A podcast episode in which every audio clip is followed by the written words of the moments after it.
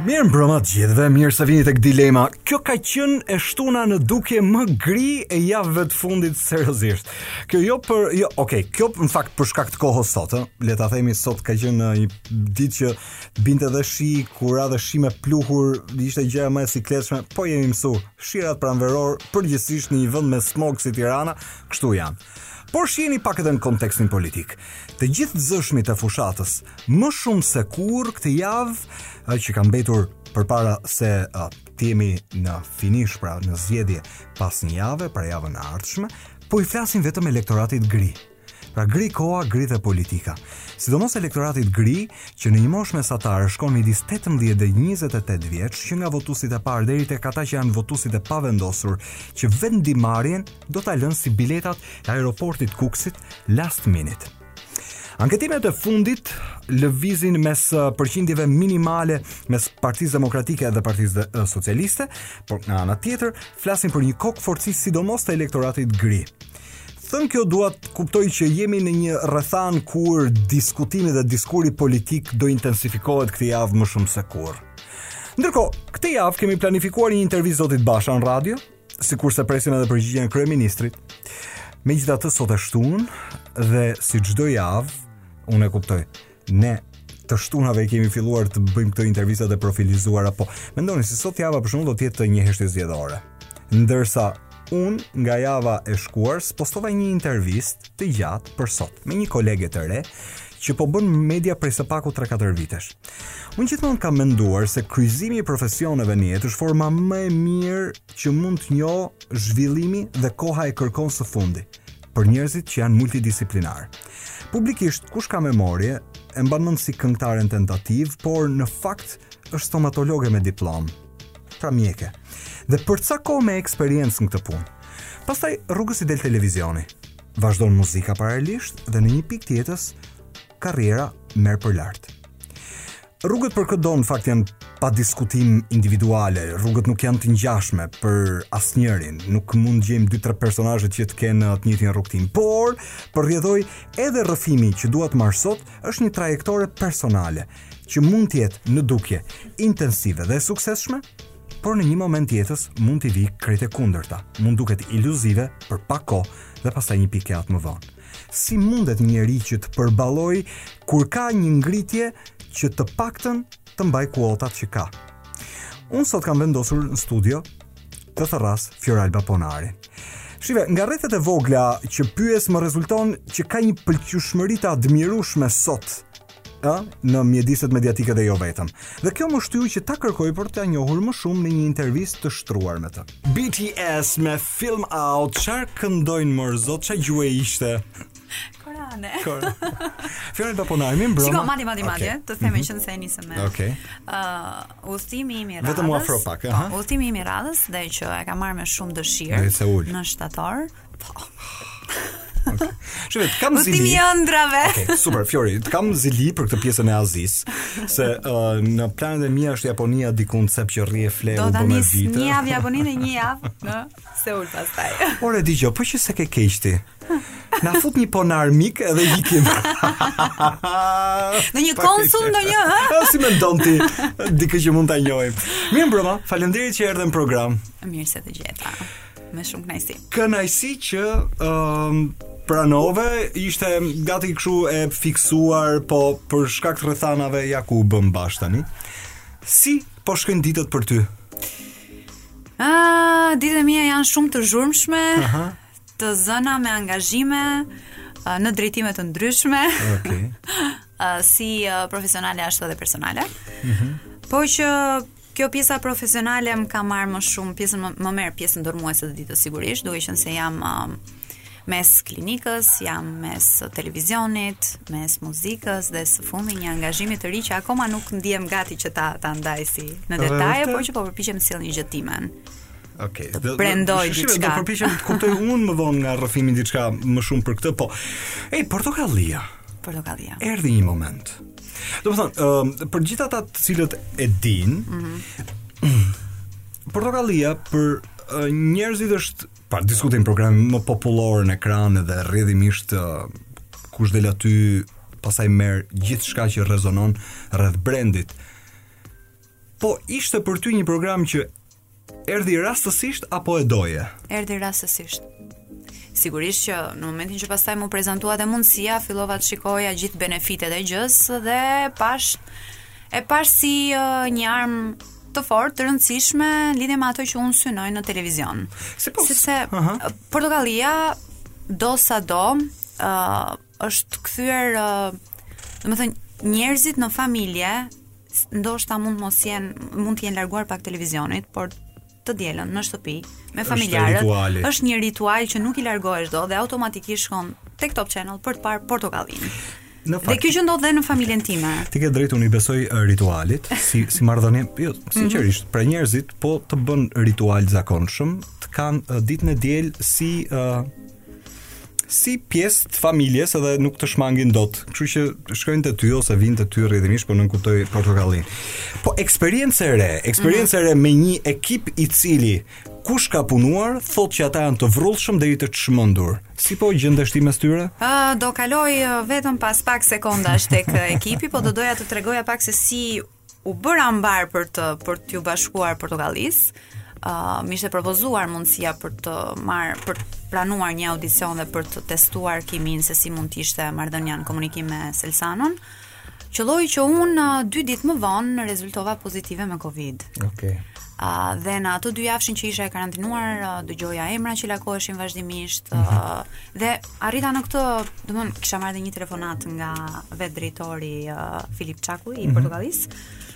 Të cilën ti nuk e kishe hapur. Të cilën nuk e kisha hapur, por kjo vjen sepse unë nuk isha mirë nga gjendja shëndetësore dhe nuk e kisha të regjistruar as numrin, kështu jo, që për të kërkuar ndjes, për të kërkuar ndjes. Lidhet Fior, nuk të lidhte asgjë me Filipin në një sens. Ai drejtonte Fiksin, ti ishe në projekte të tjera. e unë e kuptoj që s'kishe pse ia kishe numrin. Batuta ka qenë interesante. E bukura ishte se. Aha.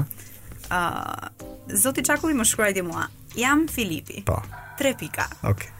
Dhe unë luajta blofin aty okay. në moment. Okej. Okay. I thashë, uh, po si mund t'ju ndihmoj? Uh, ndërkohë që unë isha mm. e sëmurë ato ditë, isha me temperaturë dhe kisha rënë për të fjetur. Uh, kishte marrë në telefon, kishte shkruar që kam një propozim për të të bërë, e gjithë këto me radhë.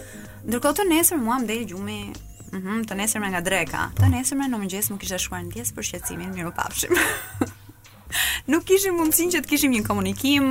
Unë nuk e dija akoma se për kë bëhej fjalë. Në një moment ti mendove që po të kishte devijuar rruga eventualisht me diçka tjetër, mund të mos kishe qenë Ti, por, ka një por, po. shpjegoje pak të. Ti thua më fal se nuk jam mirë, se s'ke qenë mirë me shëndet, se do, dhe ai tha s'je mirë nga trutë. Kush ta ka prurë këtë informacion? Unë jam përgatitur për ty. Uh, ah, are, që si ndodhi. Uh, pasi dolëm, uh, pasi mbarova karantinën, takoj mikeshën time Argjirën, uh, i them moj Argjira, më ka mbetur mendja te ky numri që më ka shkruar, sepse unë akoma nuk e dija se kush më kishte Shkruar mesazh. Fish Akoma... Truecaller. po s'ma, s'ma vajti aq. Dëgjo, i kam kalu vetë ditët e Covidit e di që vetëm ajo gjë që mendon është rri në krevat, jo të mendosh kush të ka marrë në telefon, ha. Dhe nuk e dija as që mm -hmm. Filipi kishte marrë, domethënë kishte marrë Portokallinë. Okay. Gjithmonë Figurën okay. e Filipit e kam lidhur mm -hmm. me Fix Fare. Okej. Okay. Dhe fillojmë bëjmë një kërkim aty për të parë se kush ishte bordi drejtues i Portokallisë, cilët ishin emra që ishin gjener, domethënë rigjeneruar, kush ishin mm. ata që do të vazhdonin të ishin dhe ata që kishin ardhur të rinj. Ku e bëni këtë kërkimin? E po tani edhe ne kemi burimet tona më elo. Hajde. Okej. Okay, dhe aty pamë jo, kjo është publike, domethënë, e, kishin nxjerrë gjithë portalet. Ëh, uh, dhe aty pashë që ishte në drejtimin e Portokallisë. Okay. Këtu mora uh, Filipin vetëm për t'i kërkuar ndjesë, okay. sepse unë kisha dëgjuar, isha jashtë topit në në, okay. domethënë gjatë asaj periudhe nuk është se kisha shkuar në institucione dhe dija çfarë ndodhte siç ishte, kisha halle të tjera. Okej. Okay. Kuptoj. dhe e mora thjesht për t'i kërkuar ndjesë. Thashë që nuk kam qenë mirë thashë. E më dha atë përgjigjen. Fantastike. Oj thashë jo seriozisht kam qenë e sëmurë me Covid i thashë. Okay. Uh, po po tha, kështu jeni gjithë ju tha. Kur uh, kur neglizhoni situata tha të tilla tha jeni gjithë të sëmurë tha gjithë me Covid. Dëgjo dhe nuk i vë faj me thënë të drejtën, se pjesa më e madhe e njerëzve që njoh unë e kanë përdorur këtë Covidin e kanë bërë sallatë. Nja katër herë kanë dalë pozitiv ti thua dreqi ta hajë sikur ishin para një muaji befas dalin prapë pozitiv. Po, po thoshe. Ky nuk ishte rasti, jo. Jo, në rregull. Okej. Okay. Dhe më tha, "Je mirë tani?" Po i thashë, "Nesër tha, paraqitu për një audicion në Top Channel." Dhe aty bëmë filloi. Këtu filloi e gjitha, aty bëmë uh, një provë, mora vesh që kishin kaluar emra të mëdhenj dhe emra që pretendojnë të futen në televizion. Me thënë të drejtën shanset dhe pretendimet i kisha shumë të vogla që mund ta merrja. Uh, kjo lidhet ngushtë edhe me faktin që unë nuk e kam synuar në vetvete Portokallinë ndonjëherë, për arsye që i kam sqaruar edhe në intervista të, të tjera. Thjesht nuk e kam parë veten adapte për një format të okay. tillë. Megjithatë Fjori erdhi dhe mundësia u erdhi. kap. U kap në momentin që uh, mm -hmm. ndoshta s'e prisje, por erdhi aty. 3 ditë përpara fillimit të spektaklit, është marrë vendimi që do t'i bashkohesha Portokallisë. Shiko, unë do të do të vazhdoj do të të pyes vetëm pas pak se e lam tek ata tipat, por kam një unë një dhe. Pra Fjori i bie që ë uh, pa diskutim ka pas njerëz që uh, kanë tentuar që t'i afrohen programit. Rrjedhimisht ti je në të drejtën tënde sepse ti s'ia more askujt. Programi t'u t'u dha. E mira e gjithë kësaj ishte që ne të gjithë kaluam një audicion. Të gjithë okay. kaluam një fazë seleksionimi dhe pastaj besoj që në bazë të audicioneve që u realizuan, bordi drejtues vendosi se Qartë. kush do të ishte adapt. Ëh, mm -hmm. uh, unë di që përveç drejtuesve uh, një rol të rëndësishëm këtu ka pasur dhe Salsano vetë. Ëh. Mm -hmm. sepse në fund ditës po, me kë ndjen ti që funksionon okay. me kë ndjen se ke kimi dhe sigurisht që mund të jetë një bashkëpunim frytdhënës në vijim okay. pra Fjor i bie që po. natyrisht në marrëdhënie të ndryshme të cilat njerëzit krijojnë uh, rrugës ti kupton që kur futesh në një garë edhe ti del finish ca të tjerë mund të rrinë mbrapa uh mhm. -huh Dikush uh, shkruan diçka të lëndon, dikush uh, përpiqet që uh, të prishë një marrëdhënie. Ka qen portokallia një mollë sherri? Po. Ka qen. Ë, uh, un kam pasur uh, në momentin e parë që u komunikua si lajm, dhe më që doli edhe nga topi si lajm zyrtar që unë do të isha në drejtimin e portokallisë, Uh, kam parë një tendencë, keq më vjen ta them, po negative edhe nga media vet, nga portale të ndryshme që suportonin figura të caktuara që ishin deri diku më të konsoliduara se sa ajo e imja, sepse un 3 vite, 2 vite e gjys, 2 vite e gjys kam qenë në, në televizion. E kuptoj, un ty të kuptoj mirë, po kur e merr në aspekt personal. Po, po ta shohësh pak më lart, pra ta shohësh si uh, në pak më sipërfaqe ti kupton që kjo është pjesë gati e telenovelës ditore. Një personazh përballë një personazhi tjetër. E kuptoj atë, e kuptoj atë, mm -hmm. po po vazhdojmë te aspekti personal. Po, të ty të dha një lloj trishtimi. Mua më dha një far uh, mërzie mm -hmm. sepse Boll ishte në vetvete sfidues fakti që unë kisha marrë portokallin që të kisha edhe sulme të atilla Okej okay. Të panevojshme, mendoj un Pra energji negative, vërdallë mm -hmm. Pastaj nga ana tjetër thjesht evidentoi se kush ishin njerëzit që janë pa kushte në krah. Kështu që ishte një sitë e mirë për shumë në shumë drejtime Portokallia. Kështu ne këtë jetë vetëm vim. Edhe vetëm ikim. Ama lëndon? Po nuk është ndjesi e mirë. Shiko, shumë e vështirë që të lëndohesh në televizion, ëh, sepse ti përballesh me jo, jo, situata jo, sfiduese me flas, me, me thumba me bryla gjatë gjithë kohës, kështu që ti për shembull ke pasur një uh, nëse mundet fjor, po mm -hmm. më mhm. thuaj ti a mund të vazhdoj, ti ke pasur marrëdhënie me njerëz të rëndësishëm në një sens Nevina ka qenë një mm -hmm. marrëdhënie e rëndësishme. Vazhdojmë me Nevinën të kemi okay. marrëdhënie shumë të mirë me to si mika. Okay. Po po, jemi edhe madje Uh, kur më është kërkuar që kush mendon se mund të jetë uh, për Portokallinë e kam sugjeruar vetë emrin e saj. ë uh, por që sigurisht gjithë secila prej nesh kaloi në këtë fazën e audicionit. Mendoj që një element që mua më ka dhënë dorë ka qenë edhe fakti që unë performoj. Sepse në një kabare show ky është një element i rëndësishëm. Po në marrëdhënie njerëzore nuk është se ndryshoi gjë, për shembull fjala vjen ajo jo, jo, jo, jo, jo, jo. e di pse ta përmenda se e di edhe unë nga burimet e mia që ajo ka qenë po aq në uh, mm -hmm. të njëjtin rrugëtim, në të njëjtën mm -hmm. trajektore. Pa. Po. Pra asaj iu bë qefi për ty në një sens. Po. Okej. Okay. Kemi marrëdhënie shumë të mirë me Jo nuk është nuk më intereson. jo sepse jo, e di si është puna sepse edhe për këtë pjesë kam pa, edhe për këtë pjesë kam pasur uh, kam hasur artikuj dashakeqës që cilat ishin zhvillimet uh, në minutën e fundit që Fioralba i merr Nevinës, Nevina e merr Fioralbës. Po, ka qarkulluar. Me fjalë totalisht të pavërteta që mendoj që për gazetarët janë një çik Nuk nuk kërkon shumë sforco që t'i verifikosh, që të shkosh tek burimi. Dëgjo, po ti e kupton, tani do të kalojmë publicitet. Po ti e kupton se si funksionon kjo pjesa e medias.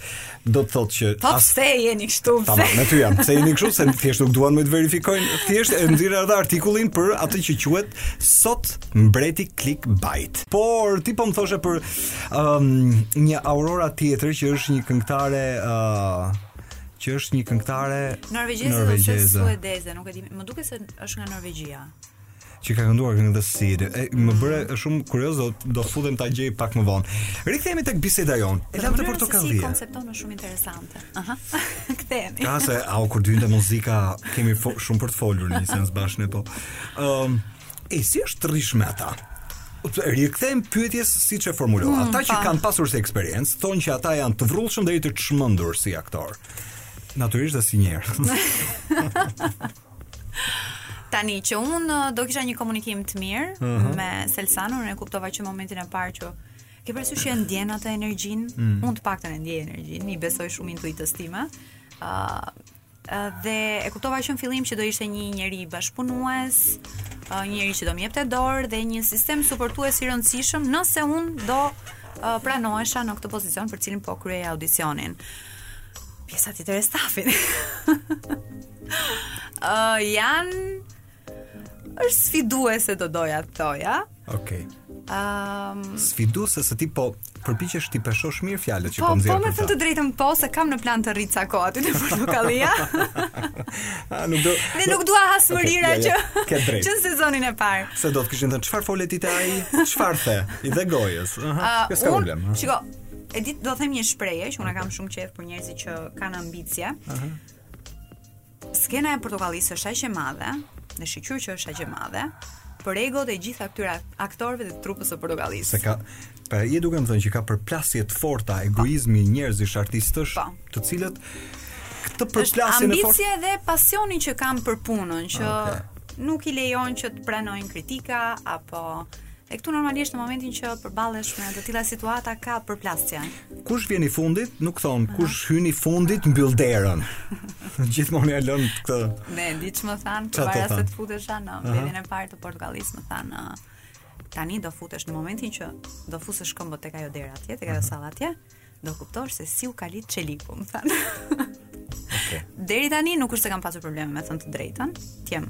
Okay. Uh, po kjo lidhet shumë edhe me faktin që unë jam çik natyrë me nefregiste, domethënë di të peshoj gjëra, di të kuptoj okay ku mbaron Fjoralba si profesioniste dhe ku fillon Fjoralba në aspektin shoqëror gjës. Sepse Fjor, dhe preferoj do... që në të tilla okay. ambiente të të, të qëndroj tek Fjoralba si profesioniste. Nëse do ishin përzier gjërat, do të kishin bërë për çarë. Shiko, se ka një koncept shumë të gabuar në lidhje me mua, unë nuk qaj lehtë nga nervat apo nga situatat e vështira. Unë qaj nga gjërat e bukura vetëm. Që t'sqarohemi. Se s'më lë, nuk më lë nervi i malësores që të dorëzohem lehtë te këto të tjera. Okej. Okay. Me thënë drejtën unë s'kisha asnjë lloj perceptimi për të qarën tënde. të Po jo se ma thonë gjithmonë në çdo intervistë se ti qan shpejt, më thonë, ëh, se ti prekesh shpejt, ëh. Ja të shpjegoj. Çfarë ndodhi me të qarën? E qara jote u kthye në një sistem në një sistem. Hmm. Pra, në programin me fëmijë, ata vendosën që të marketonin shumë dramën dhe qarën, saqë një moment uh, miqësisht ne kemi uh, Saimirin mik përbashkët i thashë dëgjoj a mundet që jo detyrimisht të nxirrni dikë sidomos Fjorin një herë në tre episode me gishta në sy duke fshirë lotët se gati duket sikur kjo vajza nuk qesh ndonjëherë vetëm qan. Po ti nuk e kupton që kjo nuk është e qëllimshme. Jo, e kuptoj. E uh, kuptoj ajo vinte shumë natyrshëm situatat me cilat ne përballeshim, vështirësitë e këtyre individëve, këtyre fëmijëve që normalisht pasqyron edhe situatat në familje, mm. ishin të vështira dhe duhet të jesh shumë çnjerëzor që të mos kesh një reagim të tillë. Ti e fortë je? Vallahi e fortë jam, që e kam çu deri në fund atë emision. Se uh, unë do kisha për te uh, programit paralisht e një uh, ose seanca të terapisë personale se do kuptoj çfarë do doja të kuptoj çfarë po ndodh.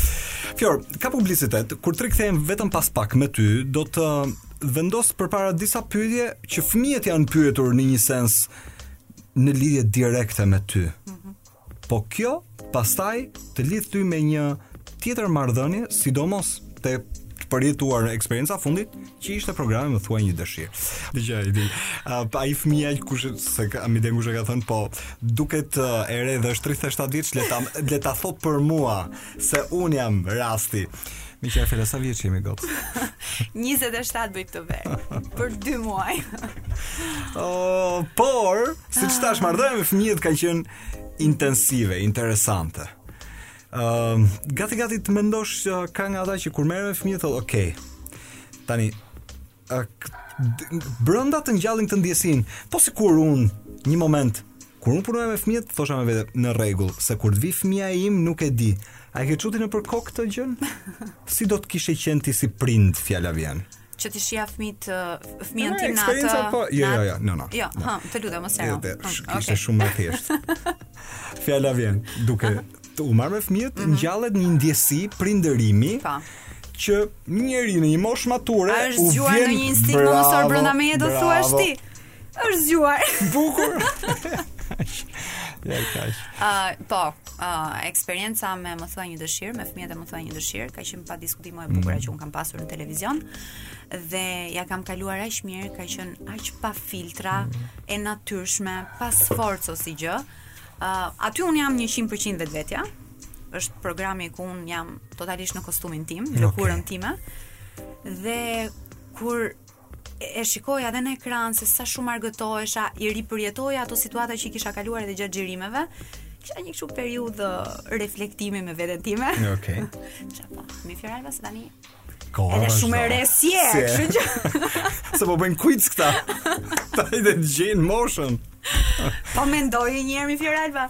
Pastaj është ajo ana tjetër e peshores që kam akoma ëndrra dëshira që mendoj që dua t'i bëj. Okay. Ata kanë thënë ty. Mm -hmm. Por po vendos gjithmonë një eksperiencë timen mm -hmm. për të kuptuar tënden. Po. Dikush më tha në fund dëgjo Popi. Ky program për fëmijë ishte interesant kur un bëja këtë, a je më i zoti se ë uh, Pra ishte gjithë për një, por ne morëm Are You uh, Smarter Than a Fifth Grader. Uh mhm. -huh. Pra por uh, patenta ishte që a je më i zgjuar se një kalaman klas 5. Edhe më tha kështu mënyra se sillesh me shumë gjasë ti do jesh, edhe i thash çfarë do jem, një prind i mirë. I thash ok. Dhe si të rezultoi? Jo dha. Nuk jam prindi më i mirë në botë, po pa diskutim. Jo, e kam me ty tani. Ëm um, Familja me shumë gjas, unë besoj prindrit kur e kanë parë programin, rrethi i ngushtë i miqve. I ka ardhur natyrshëm të thonë që dëgjo ka ardhur momenti.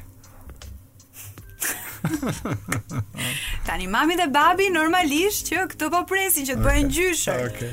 Por uh, si mami dhe babi ashtu dhe gjithë ju që po na ndiqni në këtë moment po ju them që nuk jam akoma në atë pik. Okay. Uh, sepse mendoj që duhet të vë disa gjëra në vijë, për vijë, okay. dhe nuk dua që nuk nuk bëhet fjalë vetëm për gjërat bazike okay. që ka nevojë fëmija, po dua të jem edhe aty fizikisht për të dhe puna që unë bëj momentalisht e copëtuar gjithandej. Është shumë e vështirë dhe nuk do doja që të humbisja asnjë etapë të fëmijës tim nesër, do doja që të isha krah tij ose krah saj, të rriteshim së bashku, ndërsa kështu në këtë pikë që unë jam në këtë moment që unë e quaj deciziv të karrierës time të paktën, nuk e shikoj veten që të hedh një hap kaq rëndësishëm sa ç'është sjellja në jetë e një fëmije. Fiori bravo. të pëlqeu si përgjigje. Really appreciate it. Okay. Uh, uh Fioralba Ponari do të jetë me mua uh, ende. Kjo pjesa e muzikës duket interesante për një uh, vajzë e cila në kontekstin e të qëndruarit në televizion gjithmonë mund të përdorë disa prej elementëve të talentit personal për të krijuar një le të themi uh, një marrëdhënie me me me publikun jo vetëm nëpërmjet fjalës dhe komunikimit. I vetëm diçka duhet të kujtoj. Ajo gocë vjen nga Voice. Unë vazhdoj të jem në program me Fioralba Ponarin, ti nuk u mërzite. Fare. Ha? Fare. Unë të falenderoj për kohën e dedikume këtë të shtunë, po. Uh, me Fiorin, po, diskutojmë ka pak kohë tani, ngaqë të dalin këngë të ndryshme, dhe ti rikthehesh te një pasion i saj për muzikën, i cili ka fillu sa vjeç? si në ç'kuptim sa vjeç kur kam kuptuar pra, që më po, pëlqen të këndoj. Po, mami babi kuptun që kemi gocë këngëtare në shtëpi. Si janë ato ah. ato përgjigje tipike ah. që në moshën 3 vjeçare kam filluar. Që kishe talent edhe ata kuptun që ti kishe vesh. Ka në kopësht më ma kanë thënë për herë të parë, i ka thënë edukatorja mamit, që kjo vajza mund të këndojë në të ardhmen. Se kështu me la la la nëpër shpi bëja gjithë kohës unë po. Ndërsa sprovën e vërtetë e kam pasur në The Voice. Që është kjo? E dëgjojmë pak. Domethënë kjo në këtë moment. Sa kemi kap aty ku duhet. Ti. E nota më la.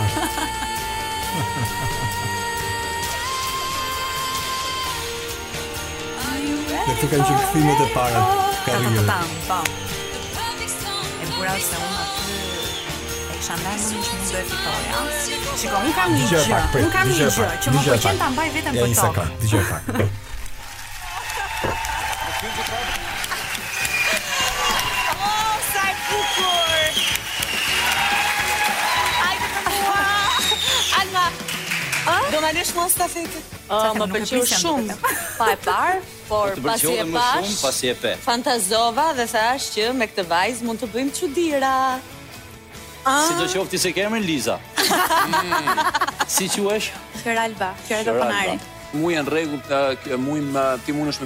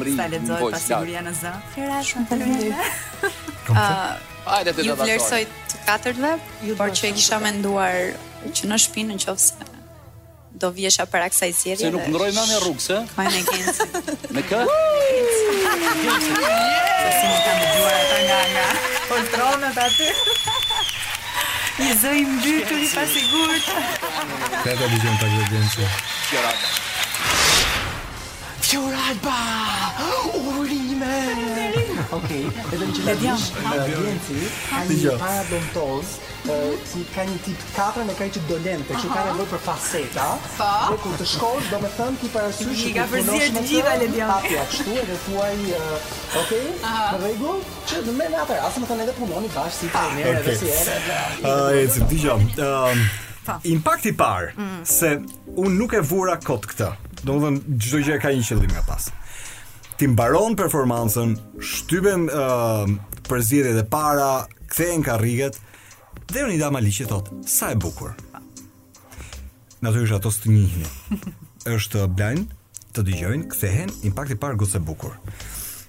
Ti e ke kuptuar që Shkojnë të dyja këto. Pra praktikisht do të jesh sharmante në muzikë, të kesh një zë të mirë, jo detyrimisht edhe një zë të plotë, por mund të shkonin paralelisht dhe ti mund të ndërtoje një karrierë në muzikë.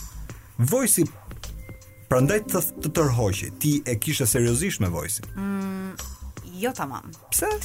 Uh, unë në Voice jam uh, gjendur rastësisht Shih shih Sepse kam dashur të sjell motrën Domethënë uh, Po Unë e them gjithmonë që talenti i vërtet në familjen time Në familjen tonë është Jehona Po Jehona është uh, më shumë artiste se ç'duhet për uh, tregun në Shqipëri.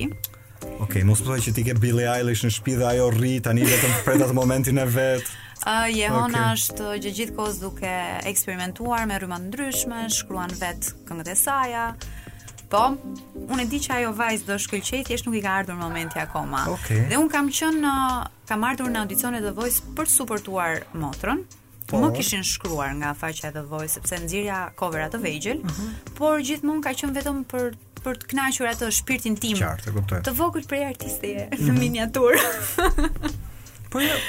Dhe uh, në momentin që më kontaktuan, e pashë si mundësi që të të çoja Jehonën aty. Okej. Okay. Jehona ishte 14 vjeçë atë vit, ishte nuk kishte as moshën minimale me të cilën mund futeshe në The Voice. Edhe pse pati një audicion shumë shumë të mirë dhe unë tërhoqa vëmendjen e jurisë, ka qenë Kamela në mos gaboj në juri, Kamela Alban, Alma, Ëh, uh, nuk e mbaj mend se kush ka qenë një person i tretë. Dhe unë më dëgjuan duke këshilluar motrën, duke thënë që o motra po bëje pak më më të brendshme, okay. brendësoje pak materialin, bëj pak lule nga fundi. Po këto ishin gjitha gjërat që unë i kisha mësuar në mënyrë automatike me këngët që dëgjoja. Ata thanë ti që po jep kaq shumë këshilla, hajde një herë këtu. Hajde një herë provoje vetë edhe bëra audicionin. Shkoi mirë. Se Deri në një pikë. S'e prisja. Mm -hmm. uh, pastaj ditën që jo, kjo ishte prova e parë përpara se ne të futeshim në audicionin e blindit. Në audicionin e blindit unë kam qenë e katërta në radhë dhe tre uh, artistë që ishin përpara meje. Ishin të tre shumë të mirë në gjykimin tim, mm. por që atë ditë nuk u buzëqeshi fati. Sepse ka shumë të bëjë edhe fati, ka po, shumë të po, bëjë gjendja emocionale se si se si ndihesh, u përfshin, u rrëmbyen nga emocionet dhe nuk patën një audicion të mirë. Unë e stakova trurin. Dhe befas shkoi deri në paska qenë deri në se sot pyeta një kolegen tonë e cila mm. sot punon me ne në radio po ka qenë pjesë integrale e Voice dhe pyeta Ola deri ku ka shkuar Nëse të kujtohet, Fiori më tha deri në knockout. Ëh. Mm Edhe pastaj aty gjërat u ndërprenë. Mm -hmm. Tani, unë çfarë bëja dje? Rrija me kokën time kuptoja ose kthehesha mbrapa në memori për të kuptuar ku ka qenë momenti im i parë që un mund të kem pa ty. Dhe m'u kujtua historia kështu. Ëm uh, Ledioni xhiron uh, promon e The Voice uh, në një grup të ngushtë uh, miqsh e shpërndan, pasi e shpërndan ishte uh, promoja me autobus, ishe ti aty dhe i them, "Wow, sa interesante kjo goca. Ku e keni gjetur këtë talent?" Tha ka qenë te Voice. oh, thashë ka qenë në voice dhe nuk e paskemi fiksuar. Rrjedhimisht, pa diskutim që një pjesë e mirë e njerëzve që shkojnë deri në një far rruge janë të destinuar që diku të harrohen. Pastaj pjesa tjetër eventualisht janë këta që dalin në finale etj etj. Mu, po të rikthehem te The Voice-i jo gjithmon të gjithë këtyre Fiori Se tani kjo është një seri Jo gjithmon këtyre që kanë fituar Ju ka shkëlqyer ylli Ndonjëherë ylli ju ka shkëlqyer Dhe atyre që s'kanë fitu Ylli Ylli treshit ju shkëlqen Zakonisht Ylli Ylli Limani për shembull Fjeta fjeta Vëndi i dytë ka qënë me, Në mos gaboj Marsela Urdo Edhe ajo ka qënë finaliste po jo fituese Pikërisht Dhe ti lidhesh me ca njerëz. Unë jo aq lart. Ata të dy finalistët. dhe vim pak tani se ti integralisht pasaj u lidhe me voice-in për mënyrën se si u bashkohen stafe e tjerë tjerë. Por Fiora Alba, në fakt, më fal që po të ndërpres, në fakt arsyeja që më ka dhënë Genci sepse unë isha fitova siguri pasaj. Qartë. Se filloi të merrte koka erë okay. rrugës. Uh, fillova të fitoja siguri, mësova se si të komportohesha edhe në sken. Okay. Dhe kisha një far besimi në vetvete që un live-in e kisha në xhep. Mm -hmm. uh, plus duke parë edhe reagimet që kisha nga publiku, e ndjeja dashurinë e njerëzve. Uh, edhe punoja fort, me thënë të drejtën. Dhe në momentin që nuk m'u dha mundësia për qënë pjesë e live-it, pra fitoi kundërshtarja, uh, pyes Genci në prapasken. Që ça ndodhi po, pse? Ça ndodhi more burrë po. i thash. Se ishim mirë deri tani. Po. Ëh. Kjo lidhej çik edhe me faktin që gjithë ato konkurrentët e tjerë okay. kur thoshte Genci që kë nuk do donit që të kishit okay. në përballje, emri im lakohej disa herë. Por ishin të gjitha gjithato gjërat e vogla që shkonin në funksion të të së tërës që ishte imazhi im në përgjithësi. Po që kur e kam takuar Gencin, më ka thënë që arsyeja që ty të ka penalizuar ka qenë fakti që unë të kam testuar vazhdimisht, duke të thënë që ku e shikon veten pas 4-5 vitesh dhe ti m'ke thënë në klinik. Shishi. Po, pra, arsyeja sepse unë nuk e preka live-in, nuk Ti jo. ishte një performancë jo mjaftueshëm e mirë, por fakti që unë thosha nuk kam punë më me televizionin. Më lejo ta them, duket shumë diskriminative. Tani un, do të them për atë lloj formati, okay. për atë lloj formati kur e krahasoj me kundërshtaren që un kisha, ishte një vajzë që punonte me okay. muzikën. Dëgjuar kështu, mm. siç ma the, po ç'lidhje ka?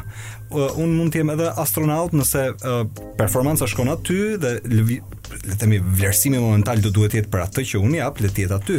Megjithatë e lëm pak më njan këtë sepse uh. ajo që dua të të kuptoj është ka shumë nga ata që kanë një ego të brendshme.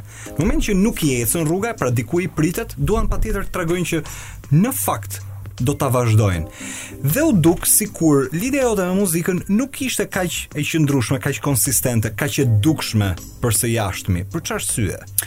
Mendoj që kjo nuk është se ka nevojë për një sqarim shumë thellë, që në momentin e parë që unë thash nuk e kam parë veten aty dhe edhe Po qasja ime me Voice-in pra, ishte krejtësisht rastësore. Okay. Nuk nuk e kisha fare në ato panoramën e së ardhmes muzikën. Pastaj uh, si televizioni, muzika, arti në përgjithësi është uh, janë përfshirës. Mm -hmm. Në momentin që ti fillon dhe merr një farë satisfaksioni dhe nga njerëzit, sepse ti art për njerëzit bën, nuk e bën vetëm për veten tënde. Qartë, e kuptueshme. Uh, në momentin që shikon reagime të tilla, fillon edhe investon, mendon, uh, shikon pak edhe në perspektiv, fantazon, pse jo. Dhe këtu un fillova të merrja pak më shumë kthesën, që ta rishikoja mundësinë që të integrohesha, të riintegrohesha në muzikë. Ama riintegrimin ti po e shef në baza serioze. Mm -hmm. Ka nisur në mënyrë të nëndheshme pak puna, mm -hmm. ku ti shkon bën vajtje-ardhje me Kosovën, mm -hmm. ti ke ca partner që janë Lyrical Son dhe MC Kresha me cilin po punon. diskografike PINT. Okej. Okay. Dhe ju po e gatuani një album. Mm -hmm. Po kjo nuk do të thotë që pastaj uh, s'ka nevojë për shpjegim se unë se kisha seriozisht atëherë. Ti tani e ke seriozisht? Jo, po flas për uh, në fillimet e mia. Po. po tani mbetemi tani e ke seriozisht. Po sigurisht që e kam seriozisht. Sepse ti ke një ose ka një strategji pra për të ngritur një emër në muzikë. Ëh, uh, Jan shumë edhe, domethënë, un kam një besim thuajse të verbër me çuna, sepse mm janë më të mirët mm në gjykimin tim. Ë uh, në në muzikë, në tregun muzikor të Shqipërisë. Kështu që kam besim thuajse të verbër në këtë aspekt. Ë uh, materialet që ne kemi punuar janë të rrymave të ndryshme, un po eksperimentoj pak, kështu që sfidat i kam qejf. Qartë. Pse jo? Pse jo? Po kjo, uh, po kjo ë uh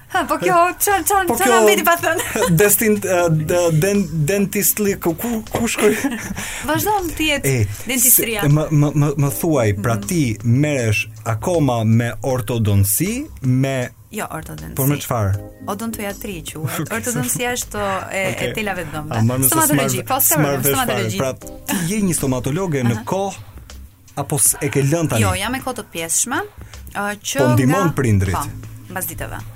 Por uh, këtë me kohë të pjesshme e kam kthyer uh, që në momentin që filloi pandemia për dy arsye.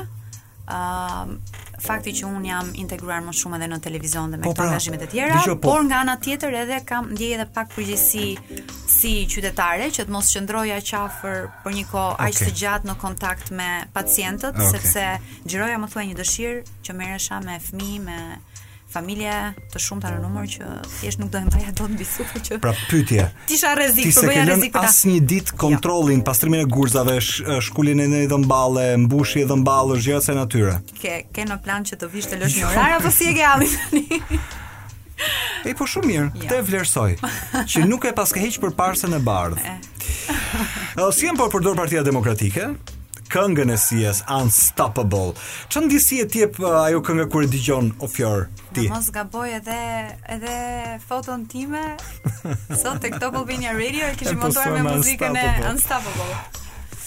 Çfarë nizimi jep mua? Ëh. Tani ti do të flasim për politikë. Po pse jo? Uh, unë do preferoja në fakt që të mos i jepnin shumë uh, ngjyra politike bisedës. Jo, jo, s'ka lidhje, është kjo thjesht për të kuptu uh, unë opinionin tënd. Di të them këtë që pas ndoshta 10 ose 15 vitesh, E shikoj veten në politikë. Por nuk e shikoj të përfaqësuar në ë uh, ombrellën e asnjërit prej këtyre ë uh, prej kastës momentale politike. Shishi. Po. Pijo, um... besoj shumë në në rigjenerimin e brezave, besoj shumë në njerëzit që kanë parime, që kanë ide të qarta dhe që shohin pak në perspektivë për të mirën e përbashkët Përtej atyre dëshirave apo përtej dëshirës për të mbushur xhepat. E kuptoj. krahas uh, fatit të një populli. Me fjalë të tjera elektorat gri tani. Kështu i bie. Po, aty jam. Unë nuk e di nëse uh, do të kesh një thirrje të brendshme pas një jave. Pra të dielën uh, si uh, nesër java shkon të votohet, një thirrje të brendshme për të shkuar për ta ushtruar detyrën tënde si qytetar. Jam në këtë fazë sepse uh, të dyja të dyja ofertat politike, të dyja kahet okay. politike i kemi parë. Okej. Okay. Uh, kemi parë këto që janë momentalisht ende uh, në pushtet. Në pushtet që kanë bërë premtime, mandat pas mandati, uh, kemi parë uh, nga të dyja kahet keqpërdorim uh, të uh, fondeve publike, kemi parë uh, mungesë transparence, Kemi parë, kemi parë e dëgjuar premtime të shumta, por shumë pak të realizuara, hendeqe të mëdha si në arsim, si në shëndetësi, si në sektorin privat ashtu edhe në atë publik. Kështu që jam në një pikë që gjithë kjo gjendje, gjithë kjo trysni që vjen pikërisht nga politika aktuale në vend, vetë vendi im më rri ngushtë. Po të rinjtë, megjithatë dhe para se të vazhdoj me këta. Por uh, dashuria që kam për, për Shqipëri normalisht, më shtyn që t'jem pak optimiste, të besoj që do vi një, një e nesërme okay. më e mirë dhe nëse nuk vjen, do jem vetë pjesë e atij ndryshimi. Po, Pas 10 ose 15 ditë. Nuk ka asnjë lloj. Uroj që t'jetë përmirësuar uh, Shë, nuk ka asnjë lloj të keqe që gjithsecili të ketë një ambicie të brendshme që diku e kanalizon, qoftë edhe tek politika. Po, Vi një uh, se kthehem pak tani me në memori kur isha përpara 2 muajsh. Unë uh, këtë sezon çova përpara një program me një platformë politike, të platformave politike siç është kandidati oh, dhe mu desh të shkoja në uh, Tropojë. Në Bajram Curr uh, intervistonim një vajzë e cila kishte një ambicie për t'u përfshirë në garën politike me Partinë Socialiste. Dhe Rrugës teksa regjistronim, natyrisht kjo është një gjë e zakonshme tani më për mua, sidomos kur ke një ekspozim jashtë. Mm -hmm. Në mhm. rrugë njerëzit të flasin, ngacmojnë, përpiqen që uh, atë gjën që e kanë të akumuluar të ta hedhin si batutë. Edhe dikush më tha, ëm, um, ti e di, mor çun që këtu jemi tan demokrat, i thashë ka ajër për gjithë. Unë e kuptoj që tradicionalisht vota në Bajram Curr është e orientuar edhe për shkak të lidhjes me Sali Berishën. Por ndërkohë vim pak tek pjesa e familjes në një sens. Nuk është se ju e keni uh, të orientuar familjarisht këtë gjë. Është vërtet. Jo, Babi im ka qenë uh, kandidat. Ëh. Uh -huh me mund ta them patjetër ka qenë në 2005 në momentin që PS-ja u nda kandidat me LSI-n okay por unë jam rritur me një frymë që t'i besoj fakteve. Okej. Okay. Dhe kam pasur gjithmonë lirinë në familje që të zgjedh vetë aty ku unë besoj. Okej. Okay. Dhe momentalisht nuk ndihem e përfaqësuar. Okej. Okay. Nga asnjëri kah politik. Kështu që uroj shumë që ai ai zgjimi i brendshëm të më vijë në në këto momentet finale. Sepse ndjej edhe përgjegjësi qytetare, normalisht votën time dua nuk dua ta djeg. Okej. Okay. Është mungesë përgjegjësie që të mos votosh. Por uh, nuk e di, duhet t'i futem me me me me kujdes, me vëmendje, sepse deri tani jam akoma e pavendosur. E pavendosur, e pakënaqur me situatën aktuale. Ç'ndjesi ke kur shef djem e vajza të reja, të cilët janë të angazhuar në linjën e parë të politikës aktive. Politika në periudha fushatash i nxjerr në mënyrë të vazhdueshme ka plot që thonë janë pjesë e fasadës, të tjerë thonë që janë pjesë e ma makinës propagandistike të fushatës, të tjerë thonë që janë element përdorur për shkak se kështu japin një lloj entuziazmi. Çfarë ndjesie të jep ty kur shef Djem e vajza të rinj të angazhuar në këtë periudhë politike. Ah, është ndjesi mikse, sepse okay. kam pasur mundësinë që të të bisedoj nga afër me të rinj që kanë zgjedhur të përfaqësohen si me të kuqen ashtu edhe me blun. Ëh, uh, po që kanë nisur me ideale të të mëdha, kanë nisur me dëshirë shumë të madhe dhe rrugës janë bërë thjesht uh, pjesë e rreshtores. Okej. Okay. Sepse janë shitur për arsye të ndryshme. Po shitja është çështje karakteri pastaj. Atëherë është problem brezi. që gjithmonë vjen një pikë dhe ti pretendon që do duhet bëhet më mirë. Një moment edhe unë kisha dyshimin tim tashmë vetë si mund të shkojë biseda me njëri që e njoh pak, mm. më tepër të treguar nga miq, kolegë, njerëz tjerë. Edhe kur e ndava që do të intervistoja, bëja dhe unë këto kërkimet e mia. Dëgjo, vetëm dy gjëra kam përshtypjen përpara se ta mbyllim Fiori, uh, unë besoj që ngelen uh, të pathëna. Ti a e ke një gol karrierist, unë e kuptova këtë pjesën e politikës, por kjo edhe bëhet, s'bëhet eventualisht i ke. Ku e sheh veten në televizion ti uh, pas sa vitesh? Nuk e shoh fare. Oh, jo. Po. A uh, unë po ndërtoj një figurë timen. Okej. Okay. A uh, po përpiqem që emrin tim ta kthej në brand. Okej. Okay. Dhe duke në momentin që unë do arrij këtë gjë, do ta kthej në funksion të diçkaje tjetër,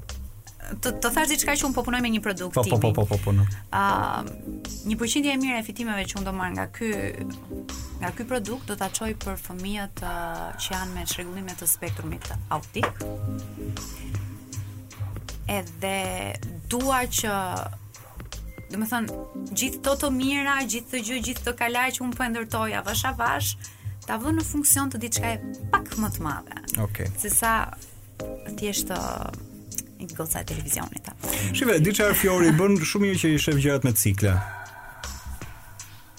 Me sa duket, kjo do duhet të ndodhë jo vetëm me ty, po edhe me tjerët, se ka ca njerëz që ndonjëherë mendojnë që janë përgjithmonë. Ëm um, nga ana tjetër, Ëh, uh, shiu mos lëmë nga pas dore muzikën, që ngjan shumë interesante për të kuptu këtë mat, këtë gjithë këtë punën që po bën me uh, çunat në Kosovë, pra me Kreshën dhe me Lyrical Son se ku do derivojë. Ti po thua që gjërat janë rrugës edhe.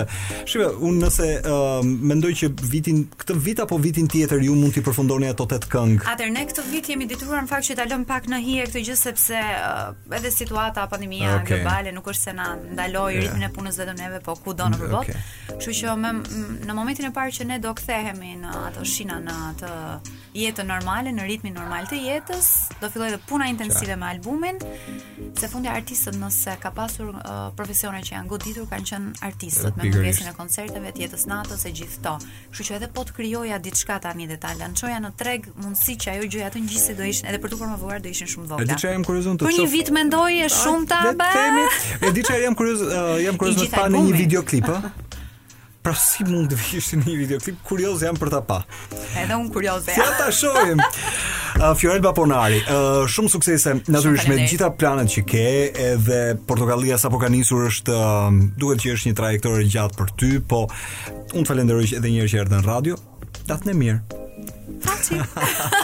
Natën e mirë dhe juve në radio. Ky ishte Dilema për sot.